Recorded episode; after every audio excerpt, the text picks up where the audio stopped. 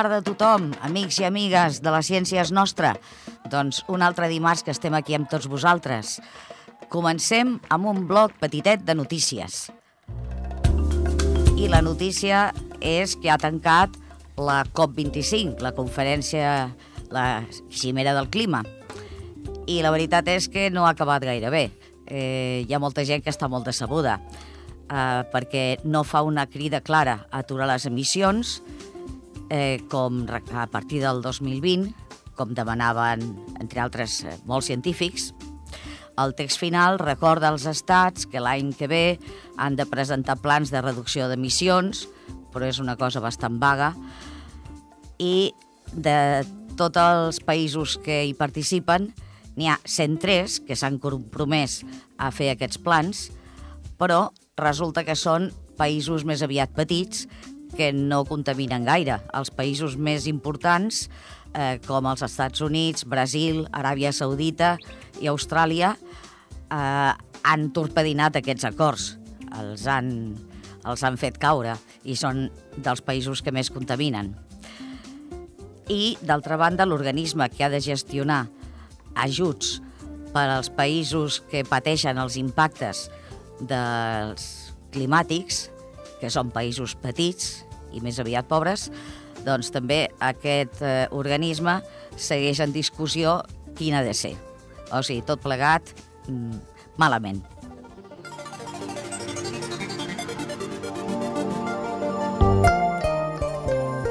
El tema central d'avui és ciència inclusiva. Què vol dir això? Doncs vol dir ciència per a tothom. La ciència és nostra, és de tothom.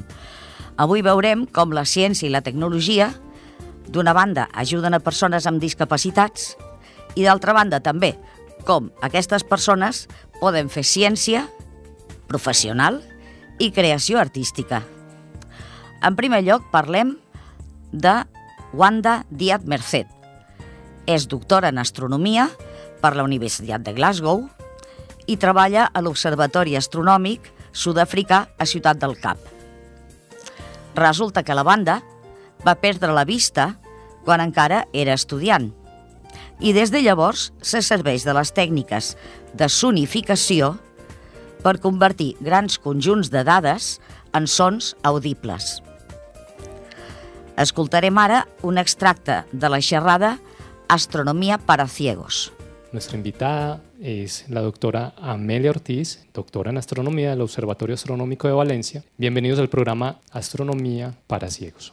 Estamos acostumbrados a ver fotos del universo donde podemos apreciar las galaxias con diversos colores, muchas estrellas, pero realmente a la vista lo que vemos son puntitos de luz muy pequeños repartidos por el cielo. La cantidad de universo que podemos ver directamente con nuestros ojos es ínfima y está además relegada solo a parte de nuestro sistema solar, a algunas galaxias y nada más, sin mucho detalle. Entonces, para poder ver la mayor parte del universo, todos necesitamos ayuda de instrumentos que son, por ejemplo, los telescopios. La astronomía funciona estudiando básicamente la luz que nos llega de las estrellas o de las galaxias. Esa luz está compuesta por muchos colores. La luz blanca si la hacemos pasar a través de un prisma, vemos que se descompone en una serie de colores, son los colores del arco iris. Esta es la luz óptica, la luz que perciben nuestros ojos. Sin embargo, la luz es mucho más, tiene otros muchos más colores que nadie puede ver. Por ejemplo, los rayos X o los rayos gamma o el ultravioleta o el infrarrojo. Los objetos que están en el universo emiten también en esa luz.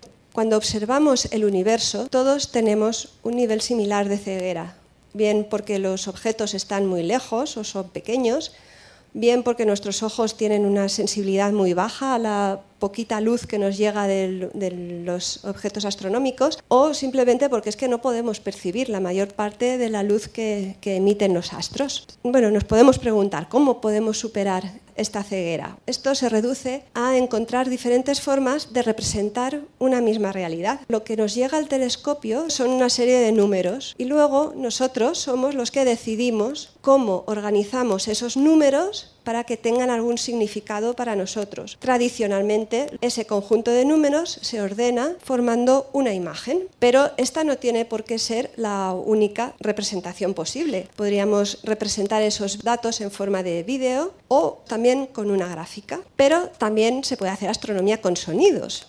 Aquí tenemos el mismo problema que teníamos con la luz, y es que nuestro oído tampoco percibe todos los sonidos que existen en, el universo.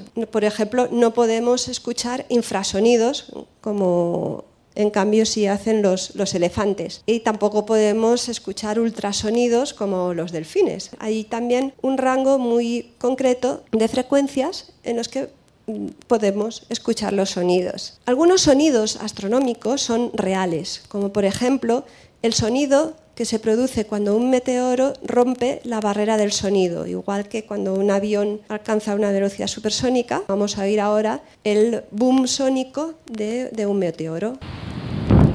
Hay otros fenómenos que también producen ondas sonoras, como por ejemplo eh, el Sol. El Sol está compuesto por gas muy caliente y ese gas va circulando por su interior y eso provoca ondas sonoras que no podemos escuchar porque son muy graves, pero si multiplicamos por 42.000 veces su frecuencia, entonces ya entran dentro del rango de sonidos que podemos escuchar.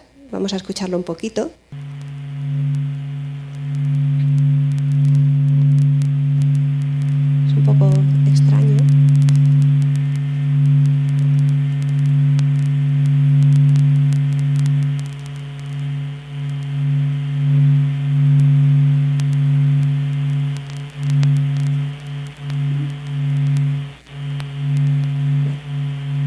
También hay otros fenómenos que no emiten sonidos directamente, pero que los entendemos mejor si les ponemos un sonido. Es el caso, por ejemplo, de los pulsares. El pulsar es una estrella muerta, normalmente una estrella de neutrones, que gira muy rápidamente y tienen campos magnéticos muy intensos y lanzan desde los polos dos chorros potentes de material que brilla. Entonces, como esta estrella está girando, hay ocasiones en las que dirige estos haces que salen de los polos directamente hacia nosotros. Y en ese momento pues vemos que el brillo de esa estrella aumenta, es igual que un faro, eh, produce destellos de manera regular. Entonces esto lo podemos representar también con sonidos. Ahora les voy a mostrar la sonificación de un tránsito doble, dos exoplanetas que están pasando por delante de una estrella. Los dos planetas son distintos, hay uno que es más grande y hay otro que es más pequeño. Cuando pasa por delante de la estrella el um, planeta más pequeño, tapa a la estrella, con lo cual eh, recibiremos menos luz o menos sonido en este caso. Cuando el planeta mayor pasa por delante de la estrella, eh, tapará más a la estrella, con lo cual recibiremos menos sonido todavía que en el caso anterior. el primer tránsito y el segundo.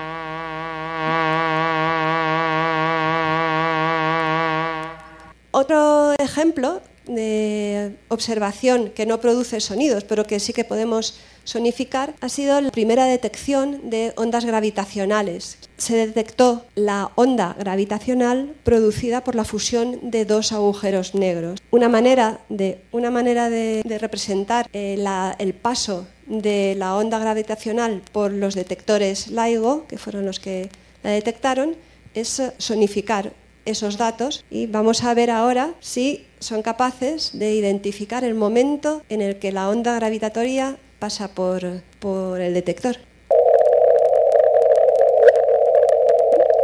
Ahí, ¿verdad?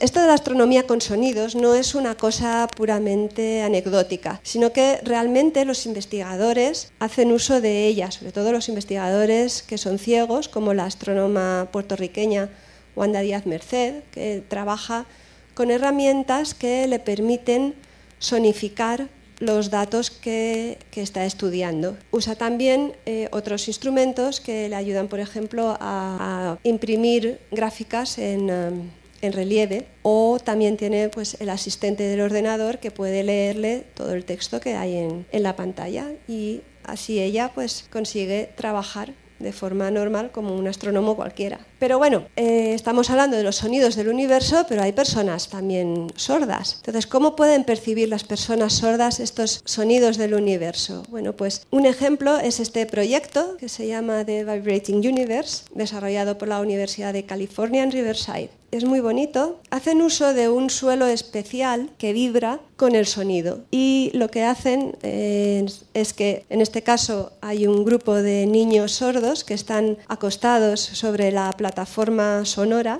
y están al mismo tiempo viendo un vídeo en el cual está explotando una estrella. En el momento en el que explota la estrella, el suelo vibra y así ellos pueden percibir el sonido de la explosión de, de la estrella a través de las vibraciones. Como les he comentado, otra manera de acercarse a la astronomía es a través del tacto hay eh, láminas con eh, imágenes que tienen una serie de claves táctiles para identificar lo que son las galaxias, el gas de las galaxias o las nebulosas, diferentes partes de las nebulosas. Estas láminas han sido producidas por la NASA, por el Centro Chandra, y existe también la posibilidad de usar impresoras especiales. Este es un ejemplo, un horno Fuser, que produce en relieve una imagen al, imprimirla. Entonces podemos tener la imagen astronómica normal, a partir de esa imagen se puede hacer un dibujo esquematizado que es el que luego imprimiremos con el horno Fuser para obtener un dibujo que es táctil, que está en relieve. Y aquí en este ejemplo pues he puesto una imagen de Júpiter y en la imagen en relieve se pueden tocar las manchas de Júpiter, notar las, las bandas de las nubes. Y bueno, recientemente ya con eh, la creación de las impresoras 3D, que ya son ubicuas, tenemos la posibilidad de construir en 3D prácticamente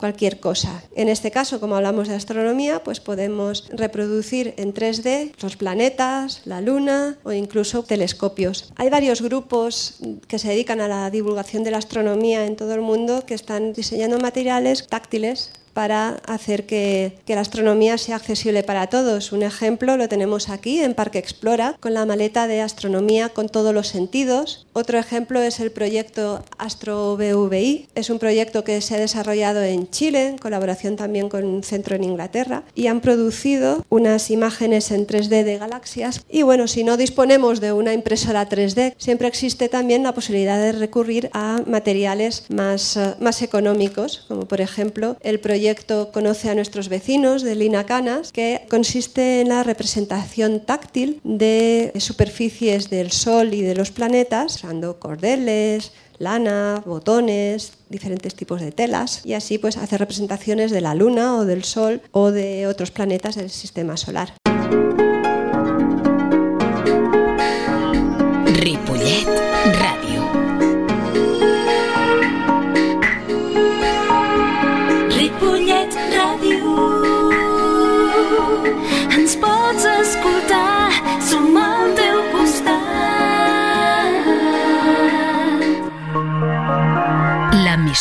Municipal. En Javi Conesa és un xicot d'aquí de Ripollet que fa ràdio per internet. És la seva afició. Ens ha preparat un àudio on ell mateix ens explica com fa servir la informàtica accessible.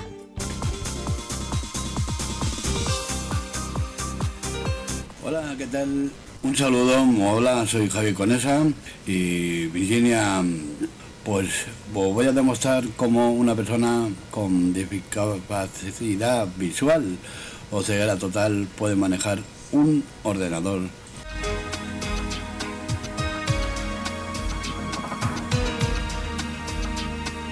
En este momento, con otro computador que tengo aquí a mi lado, van a escuchar cómo puedo manejar, por ejemplo, el software que estoy utilizando, que se llama NVDA, es el software libre que hay para nosotros los ciegos, gratuito, por supuesto, y eh, con el software que estoy grabando ahora mismo este, este sonido, ¿vale? O sea que vamos a ver si no quiere responder, porque esto no es siempre cuando uno quiere cuando uno quiere hacer las cosas.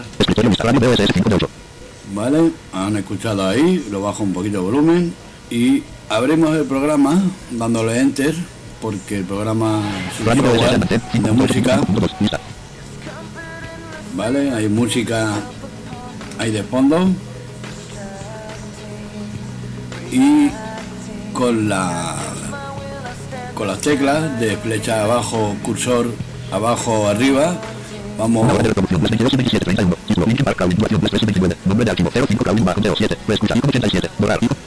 como podéis comprobar te dice el tiempo y lo que dura la canción y a qué hora puede sonar aproximadamente. Así que vamos a poner una canción para que sepan cómo funciona esto.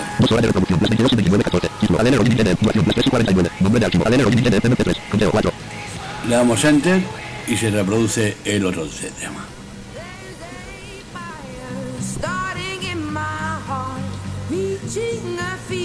Y así sucesivamente vamos utilizando el ordenador con, en este caso, NVDA. Ya os tiene exactamente los mismos mismo sonido. Vale, vamos a cerrar el programa. Cerramos el programa con al F4. Sería clic derecho de ratón. Y ahora vamos a un multiextra que es un, un programa para buscar aplicaciones. Vale mm, aplicaciones para eh, o canciones de YouTube o lo que queráis como si fuera un Spotify pero también podemos buscar uh, sistemas operativos. Buscar YouTube de video dominio de descargar descargar aplicaciones juegos y sistemas operativos le damos enter escritorio lista multi-extra 8 de 8 Salida S. Juegos programas submenú C. Hay programas, le damos flecha derecha. NVDA que es el sistema que estamos utilizando en estos momentos. Oficina que nos da Microsoft. Esos son todo lo que hay tema para utilizar nuestro computador, todas las herramientas. Microsoft Office. Microsoft Office Office Office y. Protección antivirus. Aquí están todos los sistemas de antivirus accesibles, no lo, lo olvidemos. S32, el, anti, el, el primero también. Es el Microsoft Esencial que va incorporado normalmente en Windows 10. Ese también. Avast Antivirus uno de los peores antivirus que yo conozco para la accesibilidad. Y ese es el, ese es el Neo 32. Ahora vamos a archivos multimedia. Hacemos flecha derecha. Windows Media. G medio. VLC también, un reproductor. Eso es Media Player, el otro.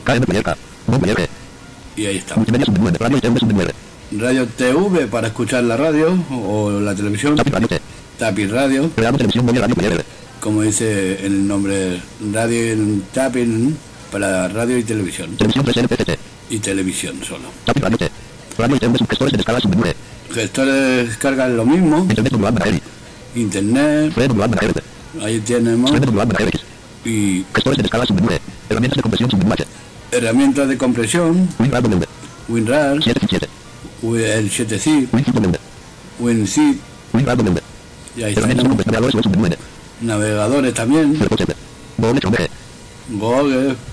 el Mozilla Firefox, ese. También, el Opera, y ahí.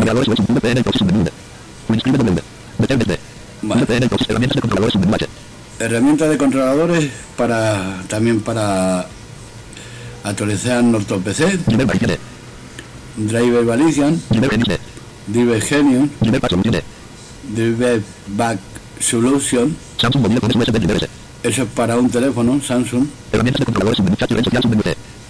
chats y redes sociales también accesibles, Skype, Chantal, y el sello más conocido. Y el Miranda, que es otro también comunicador para accesible. Chat y red social, subcargar y almacenamiento en la nube submenú C. Cargar almacenamiento en la nube como Mega Sync, Megasync, Dropbox D, Dropbox, Google Drive, y STPW, y WinZip. Eso es para subir música a una nube y ese no lo reconozco, pero bueno. Yo creo que ya ahí estamos. Pues también con este programa podemos descargar música en eh, Juego submenú Alta. Salida S. Sistemas operativos submenú. Programa submenú C. Juego submenú también podemos descargar el sistema operativo Programa submenú C. Sistemas operativos submenú S. Windows submenú W. Windows Sistemas operativos submenú S. y bueno ahí está todo eso lo que estaba comentando y espero que os sirva de utilidad y os guste este audio demostración para la ciencia es nuestra saludos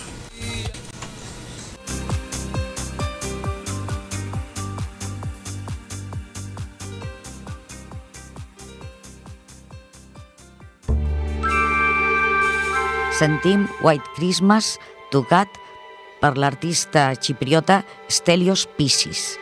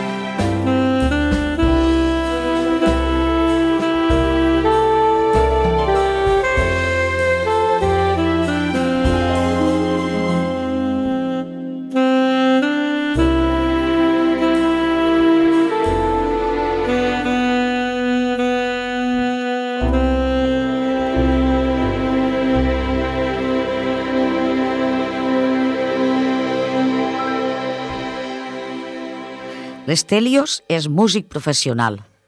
Pateix distròfia muscular de Duchenne, una malaltia degenerativa que avui dia el té paralitzat al llit i amb respiració assistida, o sigui que no pot ni parlar, ni bellugar-se, ni res. Amb tot, continua tocant i composant amb l'iHarp, que és un instrument que es toca amb la mirada i converteix l'ordinador en un orgue.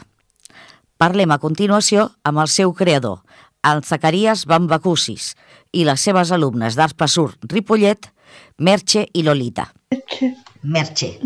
Merche, tú tocas el, el- la cosa esta, ¿cómo se llama esto que tocas? Es el iHarp, ¿no? iHeart. ¿Y qué estáis tocando ahora? La Navidad. La Navidad. Jingle Bells. Sí. Muy bien. ¿Y tú te llamas? Lolita. Lolita.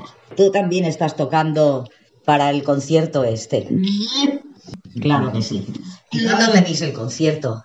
Pues eh, aquí la próxima semana es eh, sí vamos a tocar aquí que vendrán todos eh, los familiares de las personas que están en esta escuela y tocaremos eh, es el, la celebración de la Navidad, ¿no? De la escuela y allí tocaremos dos canciones de Navidad. ¿Cuánto tiempo llevas desarrollando esto? Pues todo empezó empezó la idea en 2008 cuando un amigo mío tuvo un accidente con la moto y, yo siendo músico informático pensé que podría crear una tecnología nueva que permite tocar música con la mirada. Y llegué en Barcelona en 2010 para hacer un máster en eh, tecnología musical.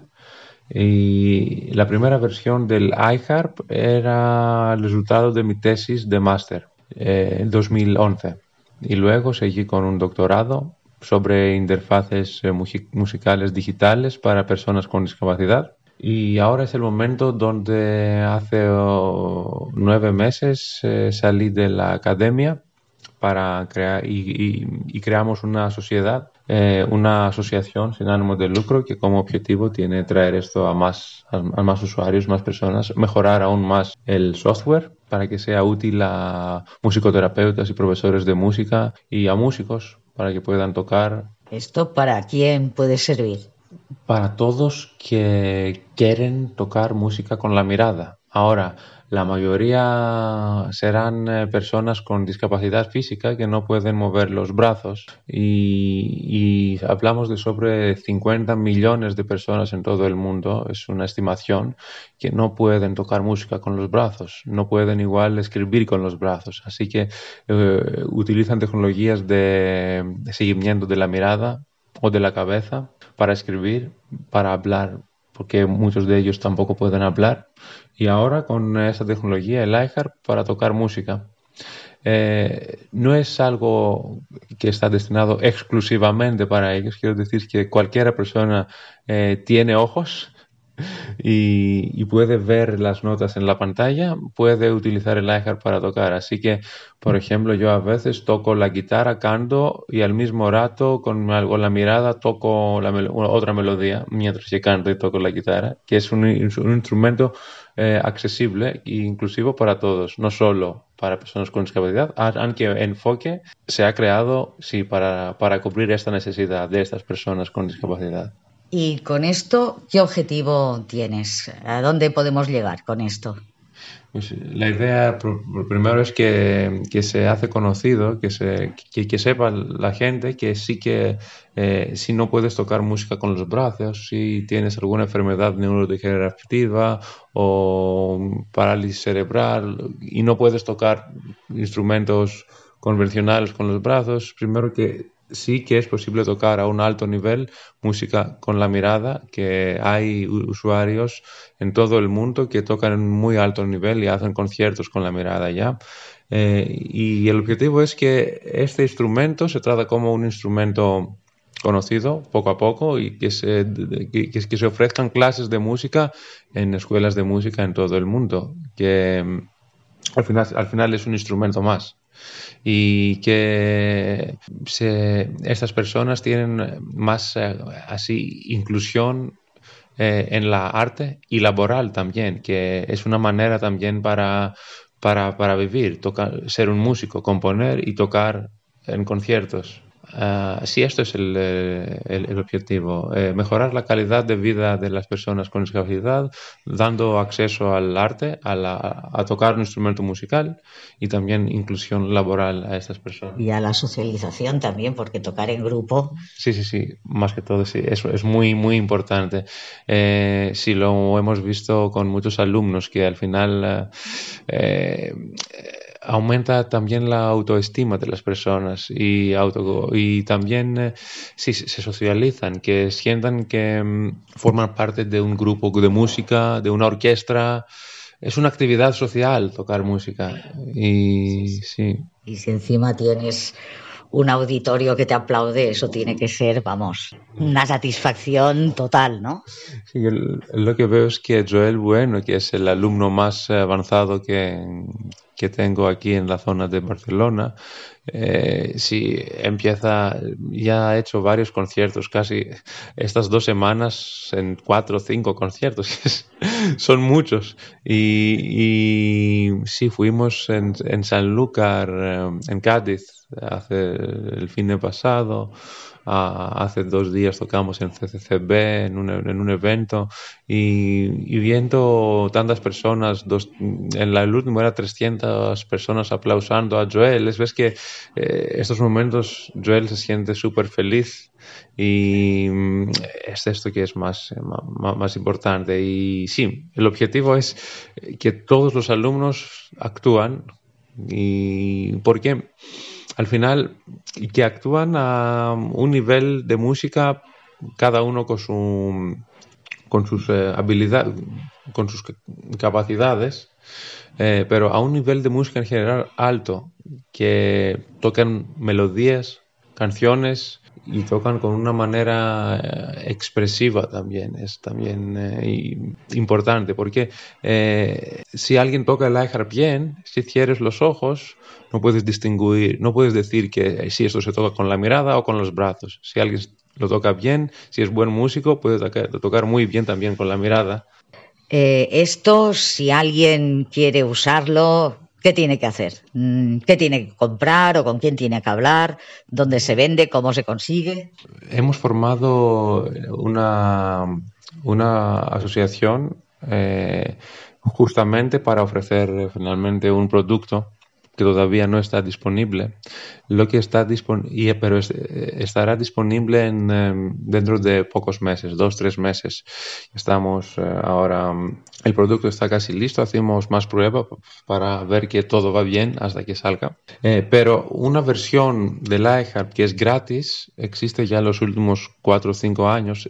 Quizás cuesta poco más instalarlo, pero hay instrucciones en, nuestra página web de iHeart.org que, que permite tocar, em, tocar música con la, con la mirada. No tiene tantos sonidos como la nueva versión que, que sacamos, ni es muy fácil configurar pero el que está interesado lo puede encontrar y cuando salga la, la, versión comercial la podrá o comprar o utilizar una versión gratis que, que tendrá unos, unos, funcionamientos poco más limitados. Para utilizarlo hace falta, hay personas con discapacidad que ya tienen eh, eye trackers, seguidores de la, de, de la mirada. Ellos no, no tienen que comprar nada material.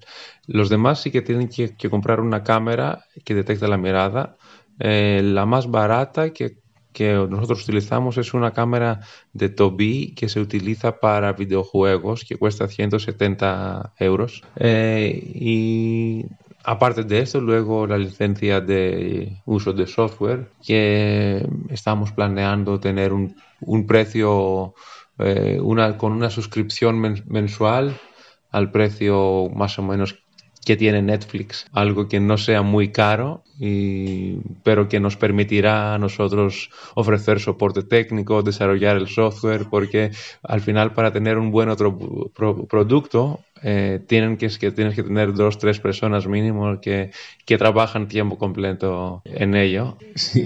¿Me dejas hacer una foto de primer plano para si alguien no sabe qué es un eye tracker, para ver el eye tracker eh, concretamente? Ya venden ordenadores que van con... Que ya vienen con el eye tracker. Ah, pues, oye, muchísimas gracias. Tenim aquesta tarda com a convidat l'Alberto Castro. Bon amic, hola Alberto. Hola, bona tarda a tots. Bona tarda. Eh, anem a presentar-vos un llibre de l'Stephen Hawking, perquè parlar de discapacitat i ciència és és recordar-lo per força. Eh, tu n'has llegit coses d'ell, t'agrada? Bueno, la veritat és que el conec com a personatge i l'admiro com a persona i com a científic i, a més a més, amb la seva discapacitat. Doncs penso que és un exemple per molta gent de no renunciar a res i simplement adequar les uh, seves particularitats, que no han estat poques, amb la seva capacitat de raonament i científica. Crec que és un personatge extraordinari. Impressionant, oi que sí? Doncs bé, el llibre que us portem es diu Breus respostes per a les grans preguntes, d'editorial Columna. El podeu trobar, per això també, a la biblioteca en versió digital, que us el podeu descarregar amb el carnet de les biblioteques. Bé, el llibre aquest és un llibre pòstum, es va publicar després de la seva mort, i recull els últims pensaments de Hawking respecte a les grans preguntes sobre l'univers i la seva, amb la seva intel·ligència i humor eh, característics. Eh, les blogs són Per què estem aquí? Sobreviurem els humans? La tecnologia ens salvarà o ens destruirà? Com podem progressar? Ja veieu que són preguntes no pas fàcils. El llibre també té unes introduccions molt interessants de mm, científics com Neil deGrasse, Sir David Attenborough o altres col·laboradors i amics del físic, i també un text de l'Eddie Redmayne, que és l'actor que va interpretar el seu personatge en la pel·lícula The Theory of Everything, la teoria del tot, que es va estrenar, em sembla, bueno, no sé, encara en vida de, en vida de Hawking.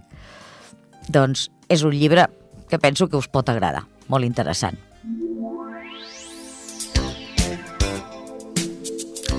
Alberto, tu has estudiat química? Doncs eh, sí, però molt poquet, perquè sóc de lletres. Recordes allò de la taula periòdica? Mm, sí, amb una mica d'amargura, però sí. Eh, doncs, bueno, avui és l'últim dia per recordar que aquest any 2019 celebrem els 150 anys de la taula periòdica. No. Imagineu, fa només 150 anys, comparat amb tota la resta d'història que encara no hi havíem arribat. Uh -huh. uh, prometo que el proper dia els hi anem parlarem, una mica més llarg, perquè avui se'ns tira el temps a sobre i tenim aquí a l'Alberto que volem parlar també de qüestió de, seguint amb el tema d'abans de discapacitats, uh -huh. doncs d'ajuts tècnics i uh -huh. que fas servir tu, que fas servir la, la gent que coneixes. Bueno, de fet, la ciència per les persones amb discapacitat de tot tipus ha estat un, una solució que moltes vegades ens ha salvat la vida. Vull dir, la ciència no només la, la, la medicina, que, que en aquest cas estaria clar que, òbviament, la medicina com a ciència eh, cura, tracta i investiga les malalties de les quals la majoria de nosaltres som, som víctimes. No? Però jo crec que, que hi ha un aspecte amb la tecnologia, que mm. també és ciència, sí. que ens ha reportat unes solucions eh, molt importants i que han compensat eh, moltes mancances i, i moltes capacitats que han perdut, no? Sí. Eh, abans, en el programa d'avui, has parlat amb, amb un company que utilitzava la tecnologia eh, per poder fer ràdio i per el poder... Javi, sí. El Javi per poder llegir pantalles de l'ordinador. Després hem vist com eh, una persona amb una distròfia muscular important, severa, era capaç de fer música sí. a través dels ulls. Doncs bé, jo penso que estem en un moment en què les petites coses en resolen problemes. Per exemple, els mòbils. Sí. Els mòbils avui en dia ja no, no són només per trucar. Jo crec que el que menys fem amb els mòbils és trucar. I els, hi ha moltes aplicacions eh, gratuïtes que poden resoldre molts problemes de persones amb discapacitat. En el cas dels invidents és claríssim. Hi ha aplicacions que fan lectura de les fotografies sí. i del paisatge que fan descripció i hi ha... I de tot textos. El... Exacte. Mm.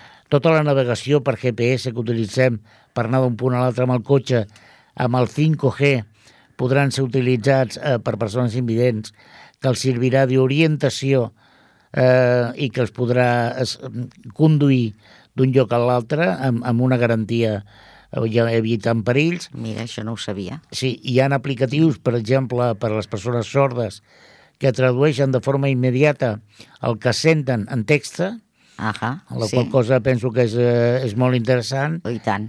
Eh, hi ha, per exemple, eh, aplicatius de eh, sobretot per persones invidents, jo penso que hi ha un grapat d'aplicatius molt importants. No oblidem que Apple, amb el seu iPhone, que ja té més de 10 anys, ja va incorporar el lector, el, el sistema que utilitzen els, les persones invidents, eh, el lector de pantalla, com una cosa ja nativa. I Mhm. penso que és, que és un pas molt important. Eh, la tecnologia ens està ajudant constantment. Eh, hi ha, eh, per exemple, les cadires de rodes, eh, com la que jo porto, que són cadires eh, elèctriques amb un motor eh, que permet doncs, eh, el mesurar l'alçada, el grau d'inclinació... O sigui, tot això fa uns anys era impensable. I crec que persones amb discapacitat estem eh, molt al, al dia del que està sortint a nivell tecnològic. No? Penso que és molt important, perquè és una bona manera de compensar unes mancances amb un ajut tècnic. Sí, sí, sí. Home, el Hawking, per exemple, és, és claríssim. Aquest mm. home, eh, clar, tenia un cap extraordinari, però sense l'ajut eh, tècnic, aquell ordinador, aquell sintetitzador de veu, mm -hmm. no hauria pogut. De fet, fer. Hopkins va treballar eh, colze a colze amb Google Sí. amb, la, amb una tecnologia que es va aplicar al Google Glass, que són les ulleres de Google. Ah. Aleshores, eh, Hopkins i Google van, fer un, van dissenyar eh, un dispositiu que portava les ulleres del Hopkins, Sí. amb la qual podia orientar a modo de, de puntero láser sobre el teclat i així era més, molt més senzill el poder seleccionar paraules i frases del seu traductor que ell va, eh, va fer els primers prototipus i que ara estan utilitzats per molta gent. És a dir, que eh, els científics mm, van, han ajudat i ajuden a l'evolució també d'aquestes aplicatius per les persones amb, amb discapacitat. Molt bé. Doncs anem ja per l'última coseta, que és l'experiment, que no ens el podem deixar perdre. És molt senzillet, com tots els que hem fet fins ara. Heu d'agafar una forquilla de metall, eh? això sí. L'aguanteu amb els dos dits entre la part de les pues i el mànec, eh? al, al mig.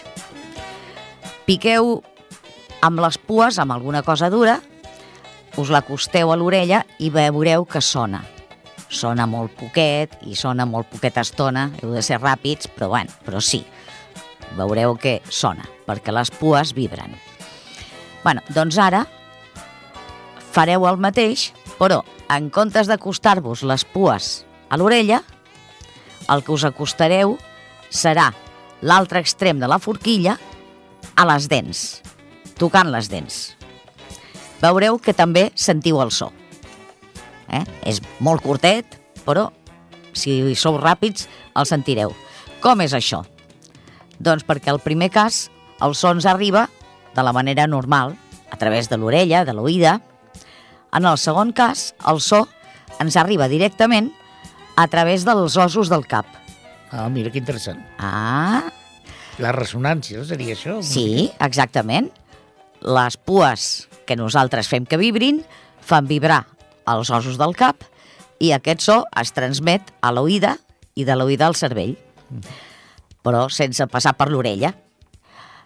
Si teniu un diapassó a casa, els que sou de música, eh, podeu fer el mateix i el diapassó, clar, sona molt millor que una forquilla. Mhm. Però vaja, però funcionen igual. És el mateix.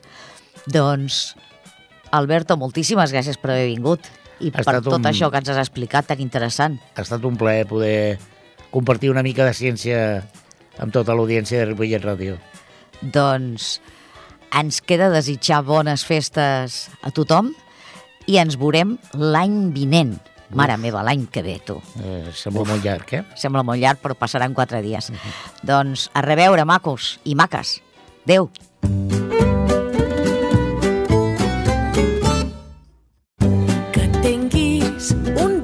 petit Nadal. Deixa el cos a llum. Des d'ara els problemes fugiran lluny. Fes el teu petit Nadal a mida un Nadal feliç. Des d'ara els problemes fugiran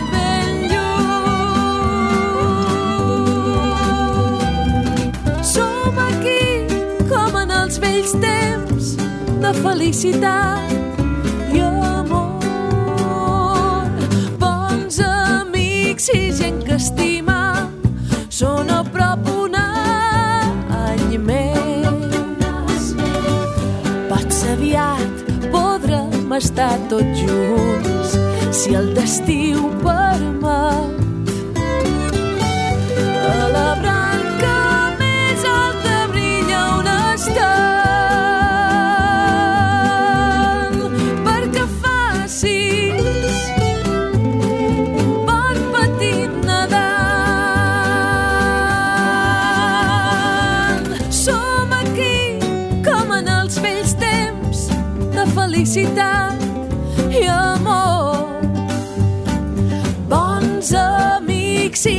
I gent que estima són a prop un any més.